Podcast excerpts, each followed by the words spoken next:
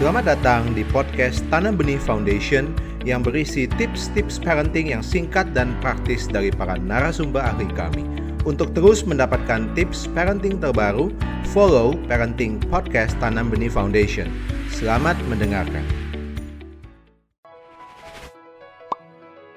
Hai orang tua tanam benih, terima kasih untuk pertanyaan Anda di komen Tanya Tanam Benih.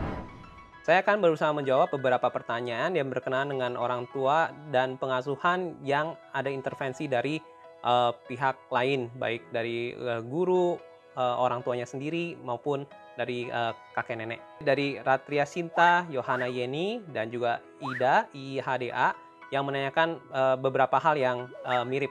Ya, jadi bagaimana berkomunikasi dengan uh, pihak lain, uh, dan juga bagaimana caranya kita uh, meredakan keadaan pada saat itu. Yang pasti apabila uh, ada orang tua atau orang yang lebih tua seperti kakek nenek, sebaiknya kita tidak berdebat atau kita memperdebatkan mengenai uh, pola asuh yang terbaik di depan anak. Cari waktu tenang untuk dapat berbincang-bincang dengan baik paman, guru, orang tua dari Anda sendiri ya, jadi kakek neneknya anak berkenan dengan pola asuh yang terbaik untuk anak.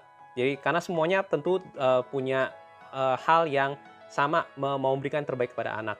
Lalu hal kedua, apabila memang uh, terjadi konflik atau terjadi hal-hal yang membuat anak itu akhirnya mendengarkan konflik itu, sebaiknya berikan waktu time out untuk Anda sendiri untuk keluar dari situasi tersebut untuk sementara dapat menenangkan diri sebelum anak dapat melihat konflik tersebut.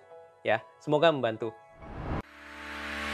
Anda baru saja mendengarkan tips parenting dari Tanam Benih Ingatlah bahwa perubahan kecil sekalipun bisa berdampak besar.